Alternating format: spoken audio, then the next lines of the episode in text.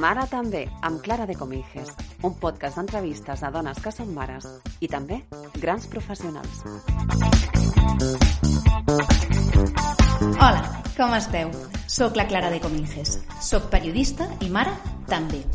Com la meva convidada d'avui. I quina convidada! Ella té una filla, la Carla, que té 40 anys i també és mare, en aquest cas de dos nens, un de 6 anys i un altre acabat de néixer. Així que és àvia. Ja li preguntaré també per aquesta faceta. Intentar resumir el seu currículum en un minut és gairebé impossible. El que ha fet la meva entrevistada durant els últims gairebé 50 anys per les dones dona per fer un llibre. Durant la nostra conversa repassarem alguns dels moments més rellevants de la seva biografia, però us puc avançar alguns trets fonamentals. Actualment és directora de l'Observatori Dona, Empresa i Economia de la Cambra de Comerç de Barcelona, un òrgan que ella mateixa va crear el 2008. És també pres presidenta de l'associació 50-50, una organització sense ànim de lucre que vetlla perquè tant les institucions públiques com el màxim d'entitats privades estiguin liderades i representades en un 50% per dones. Formada en Filosofia i Lletres i Pedagogia, és pionera del moviment feminista a Catalunya i l'estat espanyol. Promotora de l'associacionisme de dones, emprenedores i professionals. Conferenciant i assessora de, de diverses institucions i entitats privades. I per si tot això no fos prou, també col·labora de manera habitual amb mitjans de comunicació com articulista i tertuliana, on procura sensibilitzar sobre les mancances de la nostra societat en termes com les diferències salarials, la pèrdua del talent femení o el sostre de vidres. És, és impossible tenir més ganes de les que tinc jo per entrevistar-la. Anna Mercader, com estàs? Bé, molt bé. És de veritat un honor que algú com tu, eh, que ha fet eh, i segueix lluitant de la manera en el que ho fas pels drets de les dones, eh, vulgui, eh, estigui aquí amb, amb mi avui per fer aquesta entrevista. Sé que ets una persona molt ocupada, eh, segueixes sent-ho, i t'agraeixo moltíssim el, el teu temps i la teva predisposició. Eh, com saps, aquest podcast té com a focus i punt de partida la maternitat, però en el teu cas m'agradaria anar una mica enrere i parlar de la teva feina com a activista feminista. Tu vas començar en el món de la docència. Vas estar eh, 50, 20 anys. Sí, sí, del sí. 68 al 88. Bueno, de fet, als 18 anys que estava fent la carrera de filosofia i lletres, ja em vaig... O sigui, Ja et vas posar. Volia ser independent econòmicament, que era la meva, el, el meu nord a la vida, doncs ja em vaig posar de mestre. En aquella època es podies fer de mestre encara que no tinguessis el títol. saps? I t'agradava... Home, vas estar 20 M'encantava. anys, t'encantava. No, no, a mi m'encanta, eh, m'encanten els nens. Jo vaig, o sigui, és una vocació que tinc, Mhm. la pedagogia i, i, i, i, de formar els nens i, i bueno, penso que és el més important del món. Clar. Formar la, la, els Clar, perquè, la perquè al final és, són els, els nens són els adults de, de, de, de després. Sí, sí, sí. Amb la qual suposo que devies aprendre moltíssim. Molt, molt, molt, perquè a més a més eh, el nostre coneixement funciona que tot el que aprens teòricament a la universitat, doncs si després ho pots practicar-ho, hi ha un feedback que amb el qual queda, eh, fas coneixement i fas investigació i aprens molt més. I és Clar. el que vaig fer durant molts anys.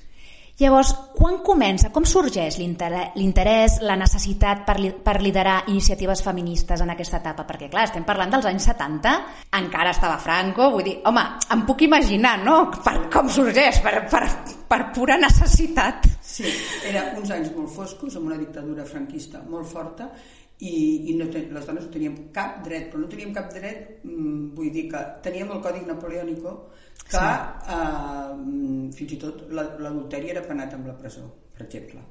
Ara, de com em, em sorgeix a mi? A mi quan em pregunten, feminista, dic, no, no, és que jo des de que vaig néixer, perquè el que vaig veure a casa no em va agradar. Clar, Clar, jo estava de, de molt petita, veia com la meva mare, que era una gran cantant d'òpera, amb una veu preciosa, va tenir que deixar de cantar i es va quedar a casa perquè va tenir sis fills, un darrere l'altre. i no va tornar mai I no va cantar. tornar mai.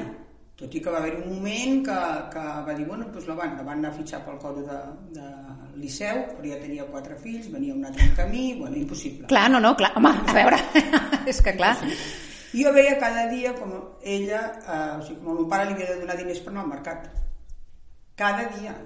I jo pensava, bueno, això a mi no em passarà. a mi no passarà. I no em passarà.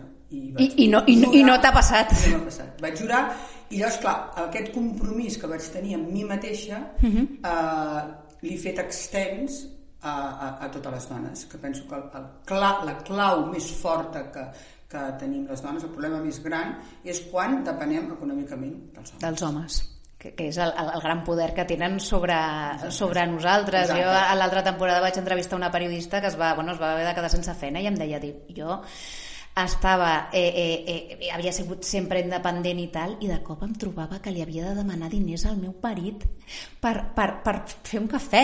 O sigui, eh, i estem parlant d'una dona de 40 i pico d'anys, o sigui, ara, saps? O sigui, que havia treballat tota la seva vida, però s'havia quedat sense feina i no tenia diners, ni per anar al súper ni per res, que és, que és espantós. Exacte, exacte, exacte. És espantós, però clar, ara el que passa és que, clar, mm, mm, eh, tenim la feina i tenim la feina de casa, les que en tenim.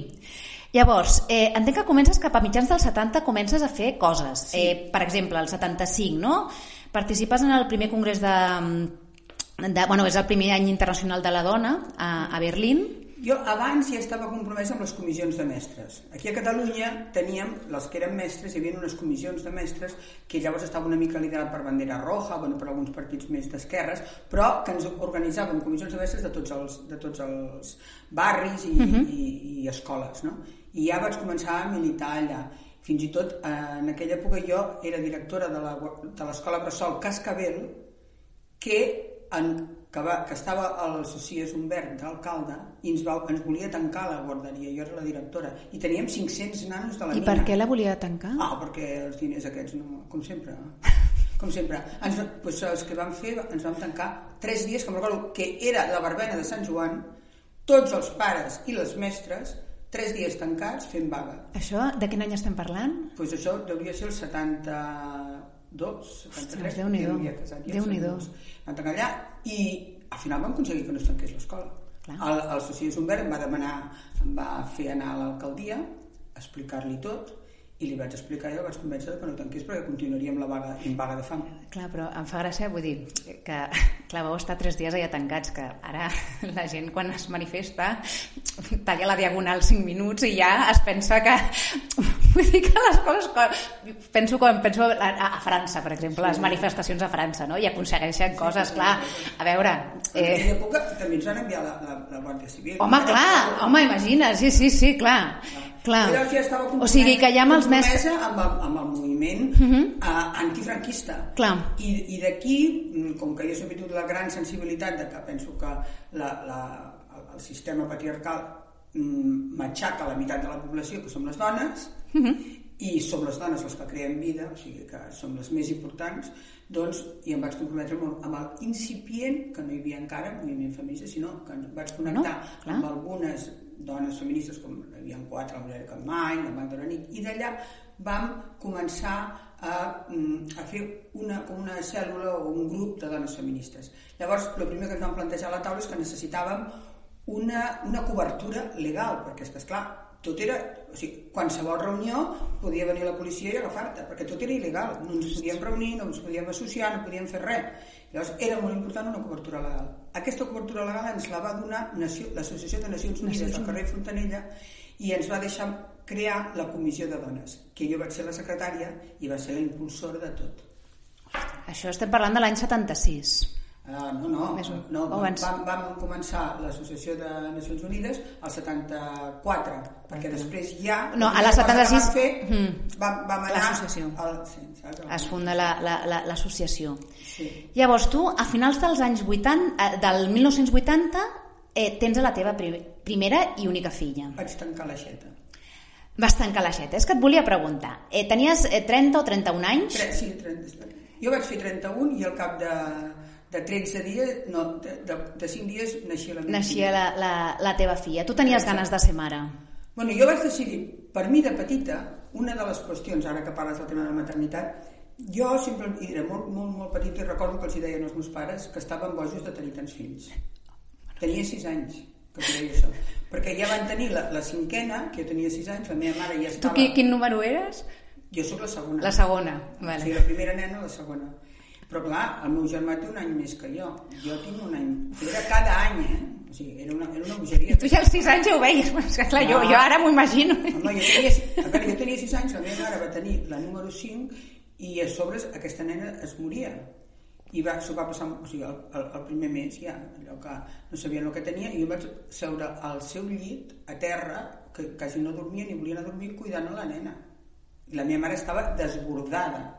Home, home, home, desbordada, clar. desbordada de tot, de feina, pensa que en aquella època pues, bueno, eh, no, hi, no hi havia que, o sigui, no hi havia rentador, rentaplats, Sí, sí, no, no hi havia res de res de res, i una, i una, bueno, i una, una família mm, petita, podríem dir, ni de classe mitja, sinó amb molts problemes, que el meu pare mm, era empresari, s'estava creant una petita empresa, bueno, molts problemes econòmics. Clar. O sigui que no tenia massa ajuda a casa.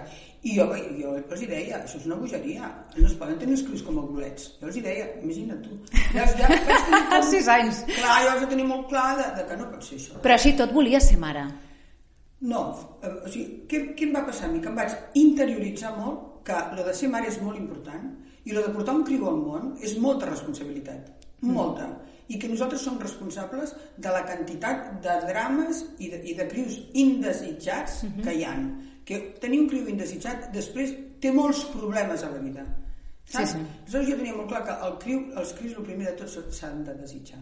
Mhm. I llavors vaig dir, jo no tindré fills fins, Fins a que, que no no. tingui molt clar i no ho desitgi molt. La prova és que jo vaig estar casada i no vaig tenir cap fill. O sigui, va ser amb el segon.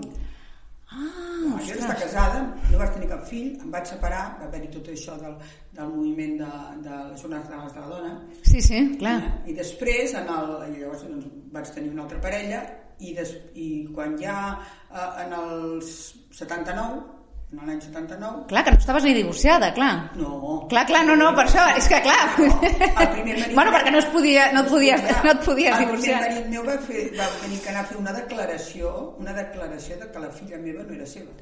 Sort que tenia molt bona relació. Sí, sí, mira, sí, clar. Va venir i va dir, no, aquesta nena Carla no és meva, és d'un altre senyor. És d'un altre En aquella època passava això.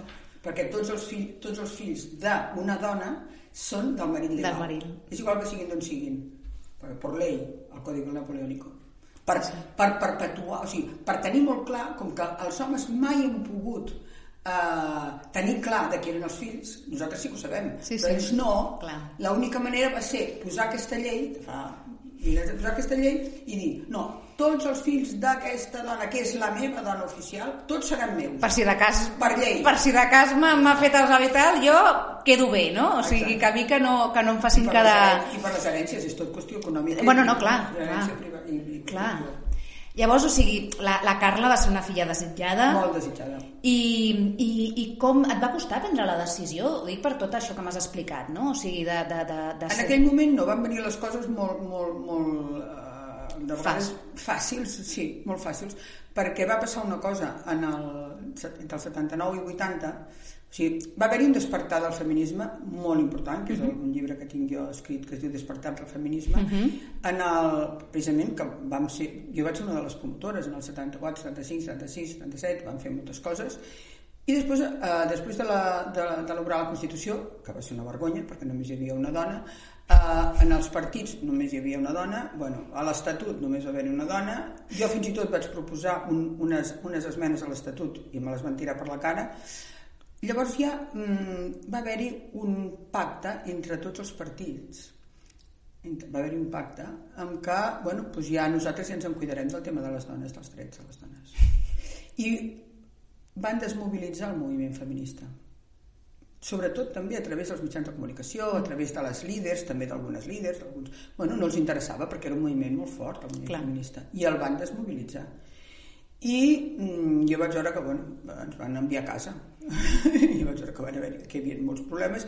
Jo eh, vaig fer tot el que vaig poder perquè mm, ens vam presentar, l'Associació Catalana de Dones vam presentar amb una coalició que es deia Esquerra de Catalunya, Uh -huh. No vam treure, no, només va sortir l'Heribert Barrera, eh? hi havia una, coali- era una coalició, era la primera coalició que es feia uh, un partit, el Partit uh, del Treball, el, el, Esquerra Republicana de Catalunya, el PSAN, que després va desaparèixer, Uh -huh. i l'Associació Catalana de la Dona. Dones, de, de, o sigui, per fer mm, paritat i paritat, perquè les dones, independentment dels partits, posessin sempre a sobre el tema de la dona i del, de la perspectiva de gènere i tal. No vam treure vots, només va sortir a l'Heribert Barrera, que després va ser president del Sí, sí. Parlament, i, bueno, i me'n vaig anar a casa.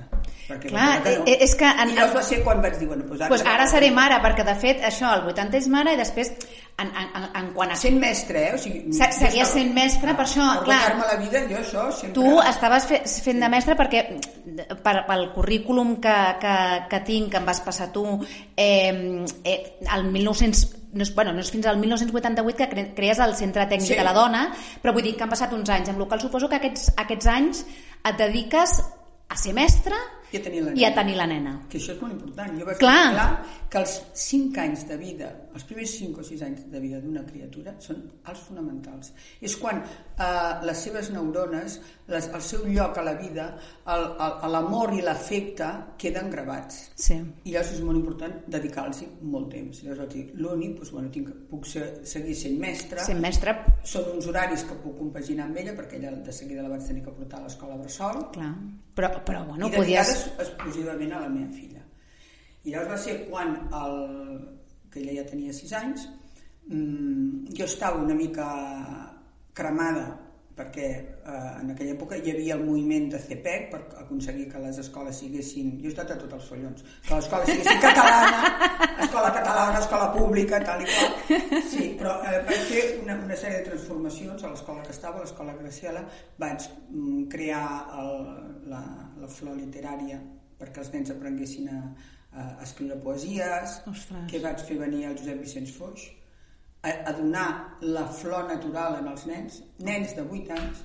O sigui, vaig fer moltes transformacions, però no a tothom li agradaven aquelles transformacions, perquè els mestres doncs, moltes vegades s'acomoden Ja. i totes les transformacions que jo donava era molta feina. Era molta feina, perquè clar, un pensa, jo em faig mestre, cada any és el mateix, saps? Res canvia, faig història, saps? O sigui, ho escriure, tal, la literatura sempre el mateix. eh, Sí, sí. Exacte, exacte. Sí, sí, sí. sí. I llavors doncs, tenia molta lluita, moltes discussions, molt tal, i llavors mm, el, el, quan encara tenia 6 anys, o sigui que era el 86, vaig eh, rebre una oferta de l'Ajuntament de Badalona per fer un programa de dones eh, insertar-les al món laboral. Clar, jo dic, això és la meva perquè, perquè és el que a mi m'agrada. No? Clar. Podré fer un gra de sorra per les dones. Llavors vaig demanar excedència Vale. I vas dir, any. anem a provar. Anem a provar-ho, a veure si per aquí puc jo ara fer... I vaig començar... I... Imagina't, i al final vas acabar deix- deixant la docència perquè, clar, érem, home, és que amb tot el que has fet, és que és, que és una, de veritat, és que no tindrem temps de repassar-ho tot perquè és, és una Bueno. brutalitat. Jo, eh, Jo crec que és la missió de la meva vida. el, el què? Uh, O sigui, per les dones. home, és que, però, però és que, mira, i, i ho trauré ara perquè és una cosa que em fa, bueno, em fa molta ràbia, no? que és el tema de, de, de, de l'èxit i el reconeixement. No? Eh, jo estic convençuda que hi ha moltíssimes persones que els dius Anna Mercader i no saben qui ets, que no tenen ni idea, i dones feministes i dones tal i qual.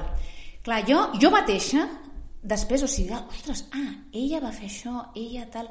És a dir, a mi em sobta tant que amb tot el currículum que tens, amb tot el que has fet, tu hauries de ser igual de coneguda que, no sé, que un president de la Generalitat, per dir alguna cosa, m'entens?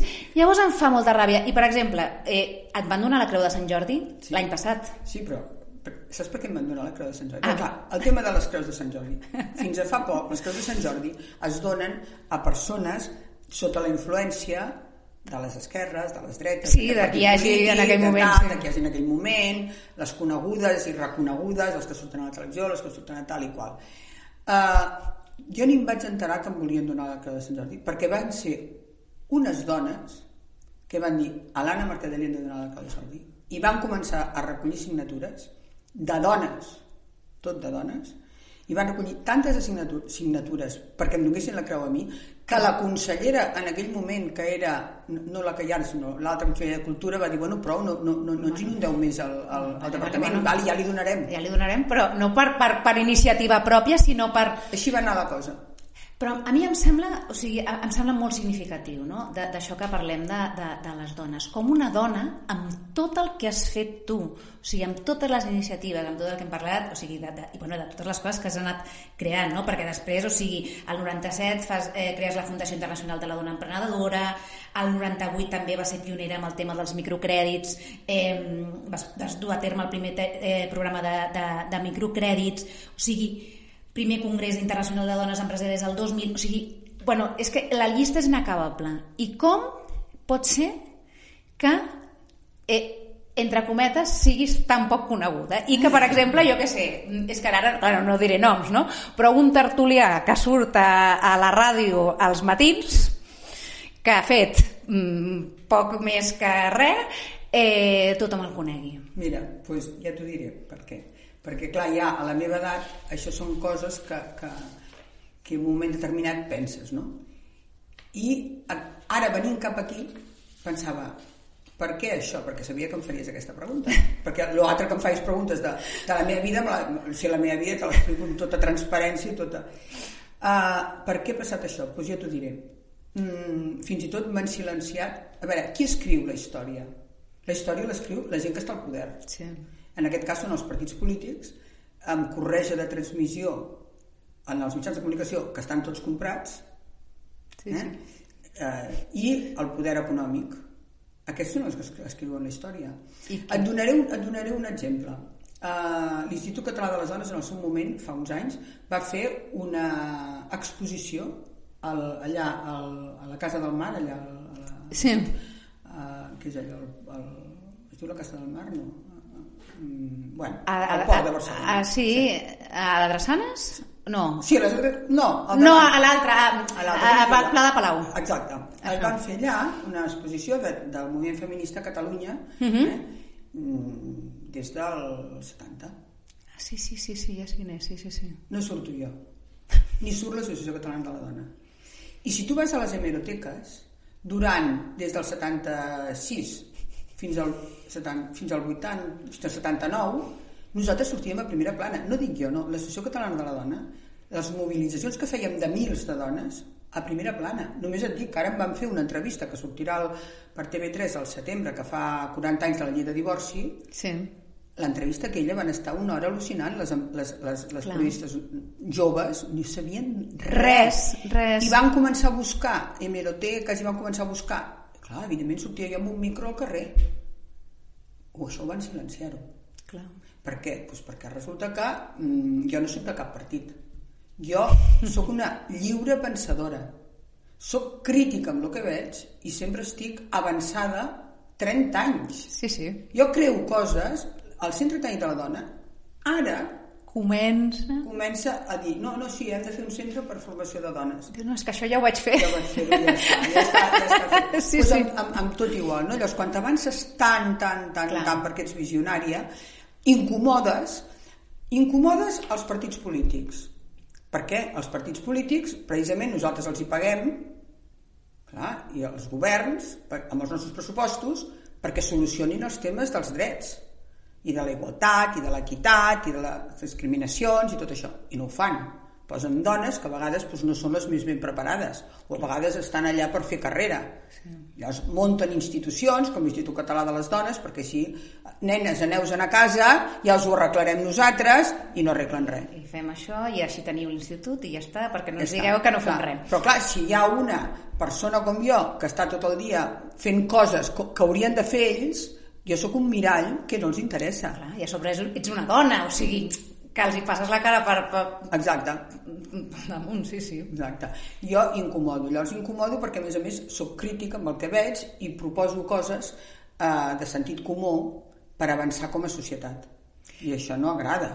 Clar, és que a més tu, eh, eh, bueno, hi ha, hi, ha, hi, ha, hi ha diverses coses. Bueno, hi ha, hi ha una... Et volia preguntar, mira, eh, hi ha una frase en el, en el teu web personal que dius si volem canviar el món hem de començar per nosaltres mateixes, de les dones, no? Sí. O sigui, hem de canviar eh, nosaltres. Què hem de canviar les dones? Mira, això és molt important que m'ho preguntis perquè eh, és com un mantra que tinc jo en el cap. Quan vaig prendre consciència de que, mm, precisament a través...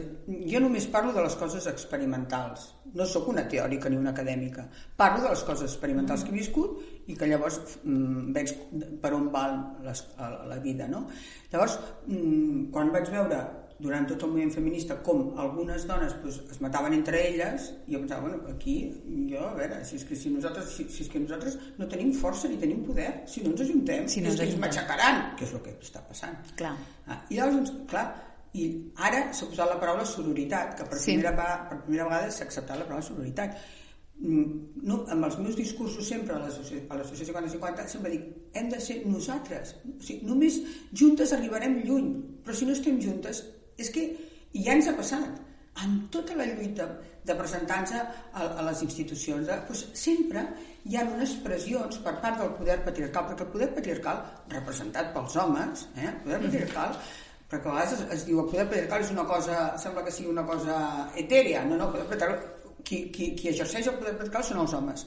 Doncs tenen moltes formes de pressionar a les dones que estan compromeses. Uh -huh. O fins i tot de, de, de, de pressionar-les a nivell econòmic. Uh -huh. I d'amenaçar-les. I de dir-li, no us preocupeu, no, nosaltres muntarem una altra cosa, no aneu amb aquesta línia, perquè aquesta línia és massa revolucionària. Yeah. I això ens està passant cada dia, i ho veiem cada dia. Llavors, clar, eh, per mi és molt important, primera, que ens treballem nosaltres com a persones, perquè el poder patriarcal també està dins del nostre cervell. Clar, perquè ens Les han dones educat així.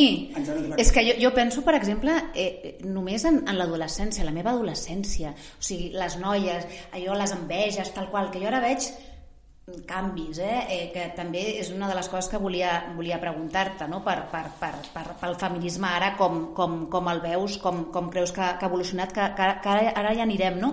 Però, però clar, ens han educat així i costa molt. És com amb la maternitat, o sigui, ens costa molt eh, la, la corresponsabilitat, no? O sigui, deixar a, a l'home, eh, que l'home també ja li va bé, i, i mira, es desentén, no? perquè, perquè i per molt, i, i a veure, jo crec que hi ha la majoria d'homes d'ambients també parlem eh, eh, clar, depèn de quins ambients, eh? perquè a nivells culturals. a ni- nivells culturals, exacte, no? Però eh, hi ha un tema, per exemple, de càrrega mental que segueix assumint la dona, no? El fet de qui compra... Eh, eh, ja, ja, no, ja, no, ja, no, ja no el súper, però, per exemple, les coses dels nens, no? La roba, el no sé què... Tot això ho tenim al cap les dones i els homes això és com... Vull dir... No con ellos. Ah, he d'anar a comprar això, vale, però digue-m'ho. Bueno, Fes-me llista. Fes-me llista. Llista. A mi em fa gràcia això de les llistes. Bueno, nena, fes-me una llista i ja vaig jo al súper. Bueno, sí, ja, ja, jo ja me, la, ja me la faig, però fes-la tu, per què no la fas tu, no? O la, fer les maletes, que clar, que això vas sumant i dius, clar, dius després, clar, per què les dones? No, perquè no pots més. I el que deies tu, dius, clar, o sigui, una cosa és que tu vulguis i, i jo crec que, que hi ha una cosa, no? O sigui, i ara jo el que em trobo, jo tinc 42 anys, eh, eh, dones de la meva generació, no? de la meva edat, que tenim, bueno, hi ha de tot, perquè clar, jo vaig tenir la meva primera filla als 36, que, que ja, bueno, ara és d'hora, ara és d'hora, perquè, perquè, perquè clar, hi ha moltes dones que tenen amb 40 i pico, no? Però, però que tenim fills petits i que, i que realment ho volem tot, o sigui, volem estar amb els nostres fills, o sigui, que no, jo no he tingut dos filles per, per deixar-les allà aparcades, però també vull fer, també vull treballar i també vull sentir-me realitzada i també vull fer coses. Llavors, és molt complicat, perquè clar, quan tens fills petits, clar, dius, vaig tenir una i em vaig plantar, perquè és canvia molt, també de una o dos, una, mira, mm, tal, dos de cop, a, a mi se'm va ensorrar el món de, de, de, de lo bèstia que va ser tot, no? Eh, jo entenc que també són etapes i, i, i a la que són més grans doncs ja de cop suposo que a tu també et va passar no? que és això, doncs mira, el, el 88 com crees el, el, el centre aquest de formació ocupacional ja tens la filla més gran ja has passat per, per, per això de, de, del centre aquest ocupacional de, de Badalona o sigui ja, Sí. ja pots, pots tirar més endavant no?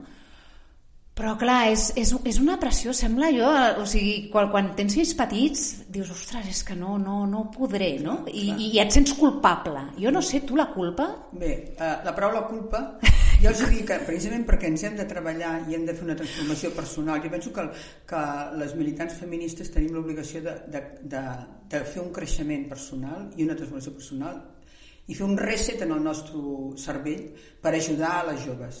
Uh -huh. Eh? Llavors, nosaltres, eh, l'educació, com deies abans, és una educació absolutament patriarcal i masclista. Uh -huh. I aquesta educació és la que rebem homes i dones. Sí. Llavors, això és el que hem de canviar. I com que mm, sembla ser que el Departament d'Ensenyament no està massa per la labor, perquè hi ha moltes vegades que hem anat allà a trucar a la porta, no està massa per la labor, i mm, haurien de canviar la formació als mestres, Formació, els, els llibres de les text. mestres, els llibres de text, tot. Tot. Tot. Uh, mentrestant, el que podem fer és canviar-nos a nosaltres. Per això que eh, és molt important la de- transformació Sí, sí, de personal. començar per nosaltres. Aleshores, la paraula culpa, la Mhm. paraula culpa és ve de, de, de la tradició judaico-cristiana per mantenir-nos a les dones amb el sentit de culpabilitat de la Eva que va fer pecar a l'Adan perquè li va donar la poma. Això és tan fort que aleshores durant tota la vida tindrem el sentit de culpabilitat que som els culpables de tot i l'autoestima a terra. Sí. I això ha funcionat així, perquè el cervell funciona així. Però és que és així. És ancestral. Aleshores, jo els dic a les dones, la paraula culpa desterreu-la del vostre llenguatge, perquè les paraules queden in incrustades en la ment i sense voler la ment, bueno, i la ment és la, la, la, la, que, la que fa mm, l'acció Sí, sí, totalment, sí, sí. Doncs no, uh, hem de posar la paraula responsabilitat per això jo deia s'ha de ser responsable al moment de tenir fills ara, un cop has tingut els, els fills has de fer corresponsable dels fills a tota la societat o sigui, és una injustícia que clama al cel que la societat no es responsabilitzi del futur de la humanitat, que són les criatures. És una injustícia que les dones tinguin que pagar un preu tan alt per tenir els fills del futur de la nostra societat i del futur de la humanitat. És una injustícia. Per què paguem? Paguem molt alt. Paguem molt alt, deixem feines, reduïm horaris, eh, ens tornem pobres, dependents econòmicament. Mm, no tenim un, un racó com deies, d'aquesta amiga teva, un racó al banc per si un cas ens treuen de la, de la feina poder seguir mantenint-nos nosaltres econòmicament. Això, per una banda, econòmicament. I després, clar, tot això va perjudicant de que no podem tenir, no podem créixer professionalment en les nostres carreres i en les nostres empreses, amb la qual cosa tenim els pitjors sous, les pitjors pensions, etc etc. Això per una banda, que després parlaré d'això de les pensions, que és molt important. Uh, però després hi ha una altra cosa importantíssima. La, els horaris que tenim aquí en aquest país són els horaris pitjors de tota Europa. I fa riure que durant 10 anys estem gastant diners per fer propaganda d'una reforma horària que ningú és capaç de fer la reforma horària. Sí, sí, es parla, es parla i res. Es parla, es parla i res de res. Tenim els pitjors horaris. I no, saps per què? Perquè no hi ha voluntat de, de canviar-ho. Perquè ni les patronals, ni el govern, ni els sindicats volen canviar els horaris. I ara, amb la pandèmia, semblava que era com el moment ideal, però, pues no. a veure, jo no sé, però està tothom, eh, al setembre tothom a treballar eh, presencialment, eh? Exacte. O sigui, està tothom que al setembre volvemos a lo de siempre. Exacte, volvemos a lo de siempre. Això un tema. L'altre tema, no tenim escoles bressol gratuïtes i universals. Sí, sí. Com vols que les dones treballin si no hi ha escola bressol gratuïta i universal? Els sous que guanyen la majoria de dones no arriba als 1.000 euros. I les escoles bressol de l'Ajuntament la, o públiques has de pagar 400 o 500 euros. 400 euros, jo, la meva filla ara acaba eh, 400 euros al Però mes. amb dos fills és quan les dones diuen per estar eh, amb, amb, amb una de caixera en un supermercat de no sé què, de no sé quantos, que guanyo 800 euros malament i els dos fills penjats, pagar 1.000 euros a l'escola Bressol, doncs deixo de treballar. Clar. Aquest deixo de treballar són dones que després és molt difícil que tornin al mercat de treball i que perden molts anys el, el tren, que dic jo. Mira, jo, jo penso en la meva sogra, per exemple, va deixar de treballar, treballava en una, en una botiga, va deixar de treballar per cuidar els seus fills i després va tornar, va poder tornar. Però ara que s'ha jubilat, però ella es volia prejubilar i tal, no, no, pobra, va haver de fer dos anys més perquè com havia estat aquest temps eh, cuidant els nens i una agonia perquè tenia unes ganes de, de, de plegar de tal, pues no, per poder cobrar per, a la jubilació. a la jubilació al màxim, perquè si no realment cobrava una, una, misèria. Una misèria. Una misèria. Aquest, això és una injustícia. O sigui, això és violència contra les dones. Mm. Violència contra... Mm, uh, criminalitzar i penalitzar la maternitat. Sí, sí. Eh? Totalment, totalment. I tot el que no... I, I després hi ha una altra cosa que és la cultura i la- i l'educació i la formació. Això que dèiem abans, els homes, o sigui, ho tenen... Ho ten... Jo me'n recordo quan tenia nanos de, de 12 anys els hi preguntava a les nenes què serien i als nens què serien. Ells tots volien ser mm, futbolistes, directors de banc, directors de no sé què... Elles totes infermeres, no sé què, perquè tenien clar que volien ser mares i que per compaginar ser mares o tal, totes havien de ser Havien de ser- funcionàries, mestres, tal qual. I això talla, o sigui, les ales els hi talla la pròpia societat, el propi entorn. Això és, això és una, una discriminació tan gran que és una violència contra les dones. Totalment, però igualment, per molt que hagin canviat moltes coses, o sigui, te'n vas a, a, a, a la secció de joguines de, de, de qualsevol botiga de joguines i veus el rosa d'una banda, el negre o el blau, o, bueno, o de joguines, o de roba, O de roba. o de tot. O de roba. Les meves filles de cop, jo mai les havien posat de rosa, i la gran de cop li encantava el rosa. I jo, però per què li agrada tant el Sí, rosa? però- Bueno, perquè, perquè t'ho fiquen, t'ho fiquen a Clar, dins. transmeten, O sigui- transmeten els rols i reforcen la diferència I el, el, de i el rosa és un, o sigui, e- e- e- és un, és un símbol, eh? o Sí, sí, sigui, sí, perquè sí, a mi, no, que vagi de rosa, que vagi del que vulgui. El tema és per què, no? Què? Per què va de rosa o per què no pot anar de rosa un Un nen, nen. sense que es fiquin amb ell? Clar. Perquè jo he vist a nens de 4 anys dient, o a la meva filla dient-li, no, no, tu no pots jugar amb nosaltres perquè ets una nena. Nen de 4 Sí, senyor, anys. sí, senyor. a, a l'any 2020. Bueno, nosaltres vam fer, amb, amb, amb el tema de dona, de les dones TIC i de les dones que no va fer carreres d'enginyeria, que normalment fan una, un, un determinat tipus de carreres, vam eh, fer molts estudis sobre aquest tema, i amb això també vaig ser pionera en el 98, vam veure que les havíem de reorientar professionalment a les noies joves mm. perquè escollissin carreres eh, més tècniques, més d'investigació, més de ciències, Clar. que són les que tenen valor i les que a més a més cobrarien més i les que són de futur. Mm. Bueno, no hi havia manera. I una de les coses que vam averiguar ja en aquell temps és que als 6 anys les nenes ja tenen clar què vol dir ser nena en Ser aquesta nena. societat. Què vol dir, uh, mm, ostres, tindré que ser mare, tindré que, que treballar, tindré que... Perquè, clar, ho veuen als mitjans de comunicació, Clar. ho veuen a les seves mares, ho veuen en tot el seu entorn. I llavors ja diuen, bueno, doncs agafarem una carrera més tal. El que eh, elles ja veuen que han de ser més sumisses, més tranquil·les, no tal, no qual, i que els homes, doncs, els nois poden jugar a pilota, poden ser uh, valents, poden ser decidits, i això ja als 6 anys ja queda incrustat en el seu cervell. Però igualment ara, per exemple, o sigui, les, les dones eh, eh, són, eh, a, a la majoria de carreres hi ha més dones que, que homes. I, Correcte. malgrat això, qui té les... I, i, i és, eh, ara volia parlar, eh, volia anar una mica, eh, eh, per, per anar acabant, volia parlar de dos temes, del tema de, de, de dirigir en femení, no? que és un tema també que tu has tractat molt. Eh, eh, jo, de fet, aquest, aquest tema el, el vaig parlar amb la Yolanda Bataller, amb la- amb l'editora i, i, i, i que, la que va ser directora de l'Institut Ramon Llull, arrel del llibre que va publicar, Atrevista a fer les coses a la teva manera, no? que em va semblar brutal, i a més és un llibre molt curtet perquè va molt al gra Ben i bueno, és molt com és ella, jo la conec i, i, i d'això, no?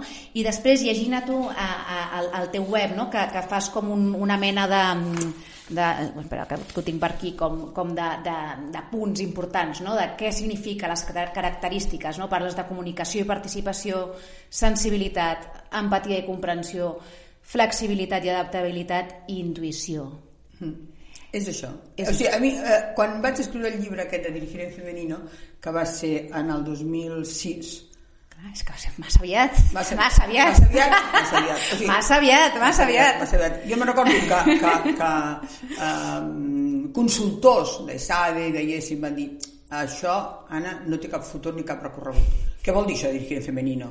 Què vol dir? Això no existeix. Aquí dirigim tots, cadascú a la seva manera. Ja van començar a fer aquest mantra. Dic, bueno, és igual. Jo, com que he ajudat a crear empreses a més de mil dones, mm. sé com ho fan. I com conec moltes trajectòries de dones a dins de les empreses, sé com ho fan. Quan ho poden fer-ho. Perquè si tu estàs en una empresa, tens un lloc de treball en una empresa i t'obliguen a manar a la seva manera, Clar. patriarcal, jeràrquica, a desenvolupar més l'energia masculina que femenina, a, mm, a no ser a, massa bona persona, Bona persona, i n'hi ha moltes, n'hi ha moltes, eh? parlant en plata, I- perquè si no et jugues al lloc de treball, llavors tens dos, dos sortides. O me'n vaig d'aquesta empresa i me'n monto una, o segueixo El, eh, el rol masculí. el rol masculí. I això és el que hi ha.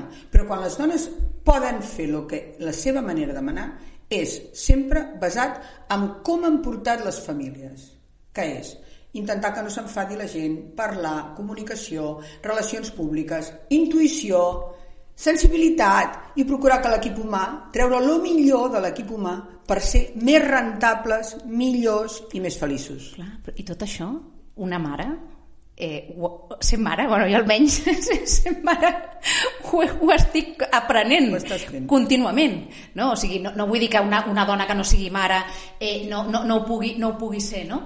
Però, però el fet de ser mare, o sigui, aquesta cosa de, de, de, de, de, de, de, d'avaluar, no? de dir, no, no, és que tu ets mare tal, dius, no, no, és que justament, i jo amb totes les dones que, que són mares i que després mm, es posen a treballar, dius, és que jo ara aprofito molt millor el temps, el gestiono molt millor perquè jo me'n vull tal, però què passa? Què queda? Que tu te'n vas a les 5 en punt perquè has d'anar a buscar els teus fills perquè no sé què, i l'altre que es queda fins les tantes sembla que és el que... Bueno, les, les, les, les cadires, les cadires... Les cadires, que a més en aquest país és algú eh, Sí, bastant, sí. eh, bastant, cadires. bastant, bastant gran. Jo no sé quines són les necessitats més grans i els problemes més grans que, que has vist en el món eh, empresarial que tenen les dones. Bé, uh, bueno, conec molt perquè precisament mm, una de les, un dels problemes que, que, que hi ha hagut en el feminisme és, mm, sobretot els que està molt lligat a les esquerres, és menysprear moltíssim uh, les empreses menysprear moltíssim les dones empresàries, menysprear la creació d'empreses, menys... quan jo vaig començar a ajudar dones a crear empreses, que fa molts, molts, molts, molts anys, doncs em deien, però Anna, això és una... això no, què vols?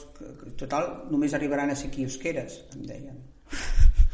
Clar, Que, que, que, que és un doble, bueno, Bueno, és, la imagina't frase és terrorífica. No, sí. però per, per, o sigui, per, tu una càrrega, per això ens hem de, ens hem de transformar nosaltres, fins i tot el nostre llenguatge. Eh? Sí, sí, sí. Bueno, doncs, uh, clar, l'empresa, la, la iniciativa privada, és qui va endavant, pel davant dels polítics.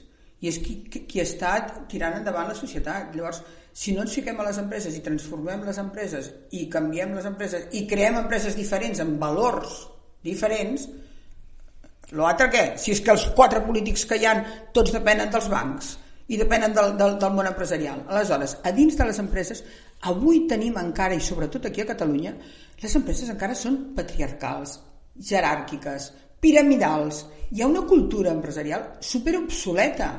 O sigui, aquí, per molt que parlin i per molts coachings que facin, Sí, sí. no es treballa per objectius. No, no, no. Per això es vol tenir a la gent controlada davant i control i, fins, i quan més hores d'estàs asseguda en una taula vol dir que treballes més i etc etc etc. Aleshores, aquestes cultures les estan canviant les dones de les empreses. Les dones de dins de les empreses estan, sense donar-se en compte, estan fent una transformació important. El que passa que els que manen a dalt de tot les cúpules, per això nosaltres vam, des de l'Observatori Dona Empresa Economia, cada, cada any trèiem un, creàvem uns indicadors i trèiem uns, eh, est unes estadístiques de quantes dones hi han a dalt de les direccions sí. de les empreses catalanes. El 70%, i avui encara és així, el 70% de les empreses catalanes no hi ha cap dona a dalt. No.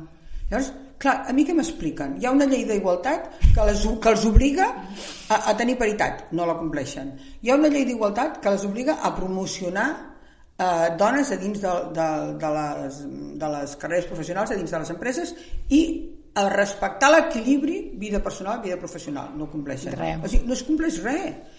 I a sobre, qui representa les empreses? És que fins i tot és una mentida, perquè hi ha empreses que ho fan bé, però qui representa les empreses amb els pactes socials?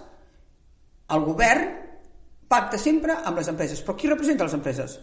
Les patronals. I qui hi ha a les patronals? A mi no em representen les patronals, Sí, sí, clar. perquè les patronals són les que volen seguir mantenint l'estatus que hi ha. Però és que a sobre, o sigui, llegint una entrevista que et van fer, no? que, que, que o sigui, els estudis diuen que, que, si, que si les dones, o sigui, si, si es fessin les coses d'una altra manera, el PIB pujaria, que es, o sigui que, que les coses anirien millor. No és allò que diguis, no, no, és que hem fet un estudi i realment és que s'enfonsaria tot. No, o sigui, ni amb dades, ni amb estudis, ni amb tal. És igual, És igual. és igual. És igual. Ara ja tothom, ara abans primera, quan era jo molt pionera, doncs ja la gent se'n reia de mi. Ara tothom calla perquè hi ha estudis de la Harvard, de les millors universitats, que s'ha demostrat que les empreses amb més dones als llocs de direcció tenen més beneficis, tenen més capacitat econòmica, tenen més bons equips, hi ha molt més bon eh, rotllo, molt més bon ambient en els equips i eh, són empreses de futur. Els és igual, perquè, clar, lo per ells lo important és seguir mantenint el poder. Exacte. I ja està. És seguir mantenint És el igual. poder, Fins clar. i tot per sobre dels beneficis, Dels de la beneficis. pròpia empresa. És molt, és molt bèstia. És molt bé. És que ara, ara m'ha vingut, que era la, la, la, la Botín, que deia un titular que era jo soy feminista Sí. a mi manera. su és que m'acaba de venir jo pensant que no sé què vol dir amb això, però, però, però està clar que, que no, no té res a veure amb el que Exacte. puguem, puguem pensar eh, eh, tu i jo. A veure, per, per anar acabant, et volia preguntar dues coses. Una, l'associació eh, 50-50, que fundes el, el 2017, mm. eh, té com a objectiu, eh, que és el punt número 5 de l'agenda 2030 de Nacions Unides, que diu que hi ha d'haver el 50% de dones en els llocs de decisió. Eh, queden 9 anys, no són tants. No. Com està el tema? Ui, mare meva, malament, malament, malament. Però bueno, el que t'haig de dir és l'associació 50-50 que va sortir del Consell de Conselleres de l'Observatori de l'Empresa d'Economia perquè ens vam donar compte que havíem de ser independents de les institucions i dels partits polítics i de l'economia O sigui, es crea per ser independent de la... Bueno, de la càmera. Sí, per això sí. es crea. I ara l'associació 50-50 és independent, només viu de les seves sòcies, és un lobby espectacular, hi ha, hi ha, hi ha gairebé 100, hi ha 150 socis o, o 200, no sé, però potentíssimes, i hem lograt posar a l'agenda la paritat i el 50-50. A la primera carta que vam enviar al govern Torra, mm. del Quim Torra, que no tenia paritat, li vam fer canviar les conselleries i van, va, li vam obligar a posar paritat. I això ara està sobre l'agenda de tothom. no, ara, ara ningú s'atreveix... Sí, sí. Ningú s'atreveix a dir que no hi ha bueno, a nivell polític, però llavors nosaltres vam fer un estudi des de l'Observatori que analitzàvem tots els càrrecs de la Generalitat, perquè clar, una cosa és que hi hagi conselleres paritat, però a sota A sota, clar, qui hi ha després? qui hi ha? Pues, en els grans car bueno, pues no complien la llei. I aquest, aquest estudi el vam presentar al gener d'aquest any, que està penjat a la, a la web de l'Observatori de l'Empresa Economia. I vam anar parlant, a, a parlar amb les conselleres, i la mateixa consellera de Justícia ho deia públicament, això s'ha de canviar, això s'ha de canviar, tal i qual. Ara ho estan intentant canviar. Gràcies a, a, a- nosaltres està eh, pressionant de que han de complir la llei, ells els primers, perquè la llei, si no perquè es fa, una llei que va estar aprovada per tots els partits polítics, Sí, sí. ja vaig intervenir, per tots els partits polítics al Parlament de Catalunya en el 2014, ara, eh, imagina't si fa anys, i encara no es compleix. Que és que parlem de coses aprovades, no... Sí, sí. No de teoria. Sí, sí, sí. Llavors, sí, sí. la llei s'ha d'aprovar. Una altra cosa que ha aconseguit el 50-50 és que som ara interlocutores perquè eh, nosaltres volem el 50% de dones no perquè, o sigui, perquè és l'objectiu cinquè. Per què vam fer l'objectiu cinquè?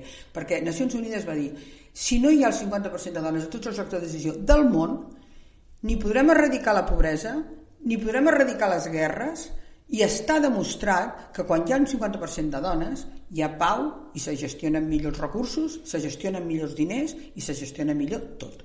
Per tant, que és la condició sine qua non de que es compleixin els altres eh, requisits. Clar. Un altre, un, altre, un altre tema que hi ha sobre la taula, la majoria de dones som sensibles a l'ecologia i a la conservació del planeta. Sí, sí. Clar, i a la creació de vida, perquè les dones som les primeres que creem vida, la conservem i la cuidem. Clar. I posar dones sempre tindran aquest instint i aquesta manera de fer.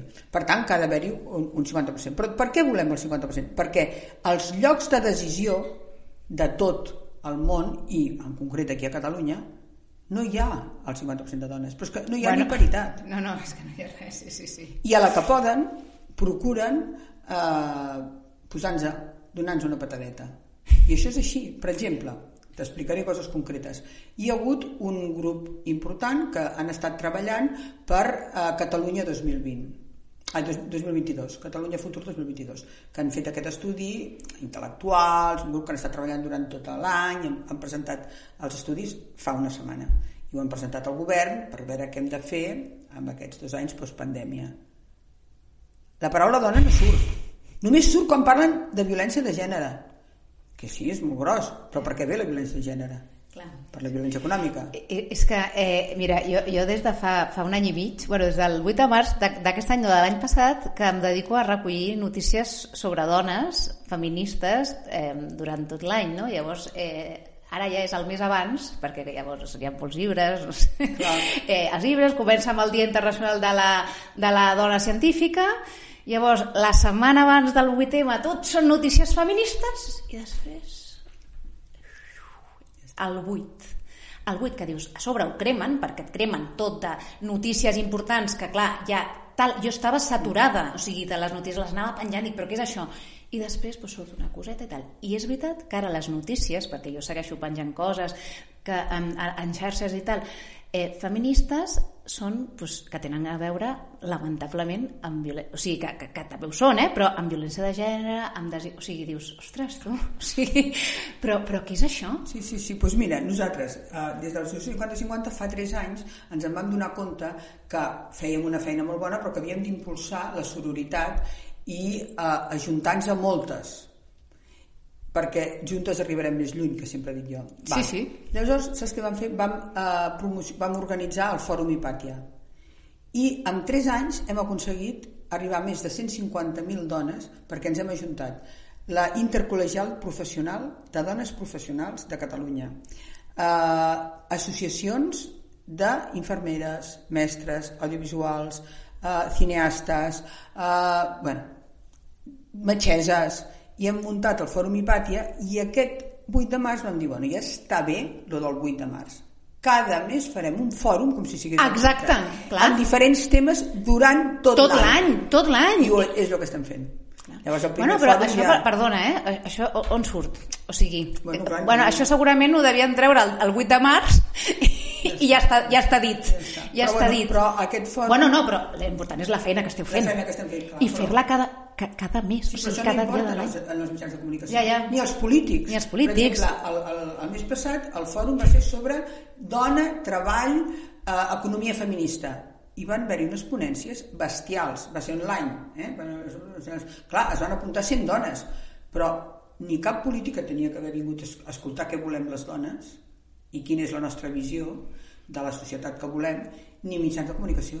Ara la setmana que ve bueno, que això Sí, setmana bueno. però bueno, serà el 6 de juliol fem sobre la salut mental post-Covid. I el que ha passat amb, amb el Covid la salut mental de les infermeres les metges, les, les dones, els adolescents Això s'està...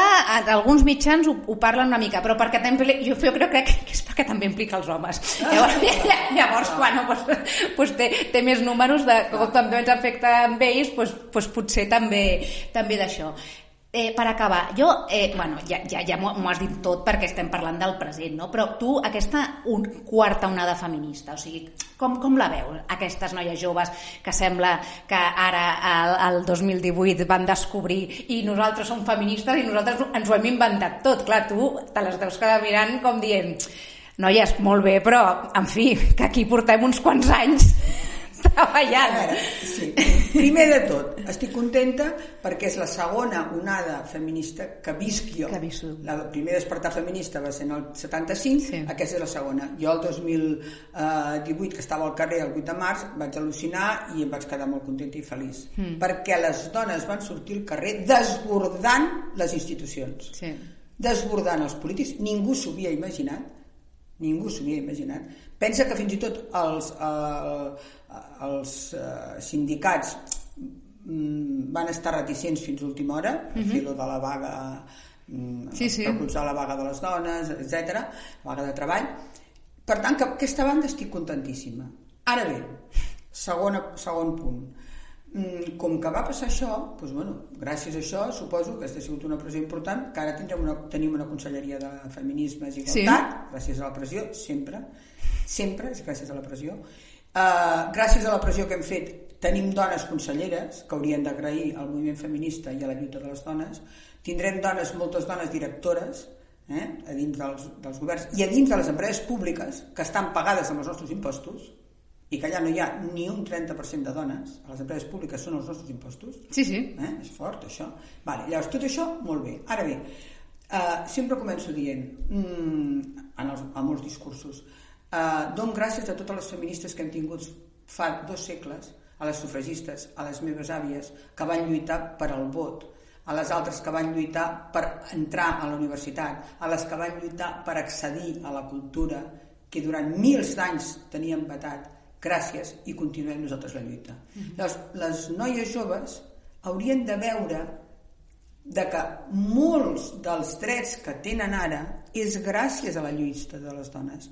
Jo quan una dona arriba a dalt i em diu jo no vull quotes perquè si he arribat aquí dalt és gràcies al meu amic, me la miro amb tristesa, amb comprensió, perquè és, és, és fruit del, de, del pensament patriarcal, eh? però amb tristesa de dir, perdona, si tu estàs aquí dalt, és per, gràcies a la lluita de les nostres àvies i besàvies. Si no, ara estaries, com en molts països del món, sorgint i de genolls a terra a casa. Sí, sí.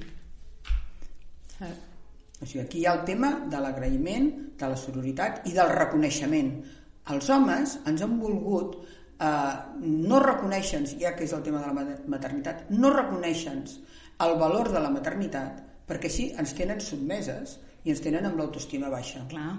Eh? I allà i Eh? vinga. I, la, I les dones que es pensen que han arribat a dalt per elles mateixes, bueno, és que jo ja parteixo de la base que una dona que està dalt és perquè val, perquè la majoria, els homes són mediocres, Sí, la majoria són mediocres. No, no, ex- exacte, però vull dir que, clar, o sigui, arribarem a, a, a, a, l'equitat quan, quan, quan, quan hi hagi igual de dones mediocres que d'homes mediocres allà dalt. Exacte, Vull dir, no, no. clar, és que... No, mira, hi ha, hi ha una, una cosa que fem durant fa molt temps, i és que quan mirem els estudis i la formació de directors i directores, o per exemple, de persones, homes i dones que hi han a moltes institucions, elles tenen títols, ells molts no tenen cap títol. No tenen res. No tenen res. Ah? Escolta, ja, la, per acabar, la teva filla, la teva filla és mare? Sí, Tu ets àvia? sí, de dos. De dos? Ara de dos? Ara- Ara de dos? Eh, eh, eh, eh, veus moltes diferències entre la teva maternitat i la seva? En la manera de fer, en la manera de- d'encarar-ho, de, de, de, de Bueno, gestionar-ho? No, la societat que, que té avui la meva filla és, els, té els mateixos obstacles que la que vaig tenir jo. No hi ha escoles bressols gratuïtes, els horaris són horrorosos, va boja treballant i cuidant els fills, donant de mamar, etc etc. Bueno, eh, per part de la societat, zero de zero. Per part d'ajudes públiques a la família, zero de zero. Som el país pitjor, eh? perquè podria haver-hi ajudes, com tenen en molts països nòrdics, perquè tingui una, una, una tata o perquè tingui una dona que l'ajudi o perquè tingui... No, res de res de res. De res, no, i a sobre tenim la llum més cara. Exacte, això és més cara. Eh? I ja no et parlo, com vam fer nosaltres el manifest del Covid de l'any passat, que volíem que, que ens rebés el, el president per, per explicar-li què és el que, veiem, el que veiem, vam ser les primeres i no ens va rebre, però bueno. Uh, de cara al, al, al, a tot el temps passat amb el Covid, les dones han sigut les que han passat pitjor Home, eh? perquè Home. han tingut que carregar amb tota la càrrega de sempre i a sobre han sigut les que han estat més malaltes. sí, sí. Va. Doncs, mm, i la societat no ha canviat, està igual de malament. Ara bé, què veig en el cas de la meva filla? Que això també els dic a les estudiants. Que el seu marit fa equip amb ella. Clar. És una, és una persona que fa equip i que es distribueixen les feines, tot i que, com ella sempre diu, l'univers de la família al cap el porto jo, Exacte. que és l'organització. Eh, El que parlàvem abans, no?, de l'organització. Però bueno, però bueno, eh, que és això ens passa a nosaltres, però bueno, ja és... Ja és ja, com és molt emprenedora i molt organitzadora i tal, doncs, bueno, ja, Ja- ho fa. ja- tal. ja ho fa, Però la sí. diferència, sobretot, que jo els dic sempre als estudiants, sobretot, busqueu un bon company o companya, perquè si no, no us en sortireu. un, un, un bon pare, sí. A mi em deia, em deia la, la, la, la, la periodista Mariola Cués, em deia, diu, diu, mira, una parella acaba i tal, però el pare estarà per allà per sempre, amb la qual eh, és important que, que, que, que s'esculli bé el pare dels teus fills, Exacte. saps? Perquè, Ah, perquè, perquè així no et pots quedar Exacte, sola eh, exacte, i, i exacte. tirada. I després una cosa que veig molt clara és que totes les noies joves que, que, bueno, clar que tenen problemes, per exemple, de seguretat, de tal, de qual, de, de, de, de la violència de gènere que hi ha estructural, de, de moltes coses, les joves. Però, fins que no tenen un fill, no se'n donen compte de la discriminació estructural que hi ha en el món del treball, al, a la Exacte, societat... exacte, tot. exacte. Sí, sí, no, no, i, i és així, és així, perquè a mi- m'ha passat, a mi m'ha passat i ja quan en tens dos ja, Ja, bueno. ja ni, ni, ni, ni, ni t'ho imagines, el no? de l'altre Sí, sí, sí, sí, sí, exacte. Ella, doncs això, jo no m'ho pensava. Fins Clar. que no he tingut el segon fill, ostres, això, però què és? Tan, tants obstacles, tants problemes, tant... Pues això és. Que la societat no t'ajuda, sinó que et posa pals a les rodes. Et posa pals I penalitza. Cada hora que tu estàs amb el teu criu i el teu marit no hi és, ell està guanyant diners i fent carrera professional. Mira, hi ha, un- hi ha una, una cosa clara. Durant el Covid, els homes que estaven fent eh, carrera per catedràtics o, o, o per doctorants o per el que sigui, la majoria han anat amunt i han presentat més papers i han pujat. Elles han anat avall. no han pogut presentar papers, no han pogut fer, fer doctorat, no han pogut fer... No, no han pogut fer-ho, perquè han estat amb els crios, han estat tancades a casa, han estat treballant... Sí, sí, no, no, a mi em fa gràcia perquè jo tinc, eh, clar, amics i amigues solters i solteres, sense fills i tal, ai, jo el Covid, saps, ha estat meravellós, Sí, perquè clar. ha estat... Clar, jo pensava, mira, jo no t'explico la meva vida perquè, en fi, tancada a casa amb una nena d'un any i mig i una altra de quatre.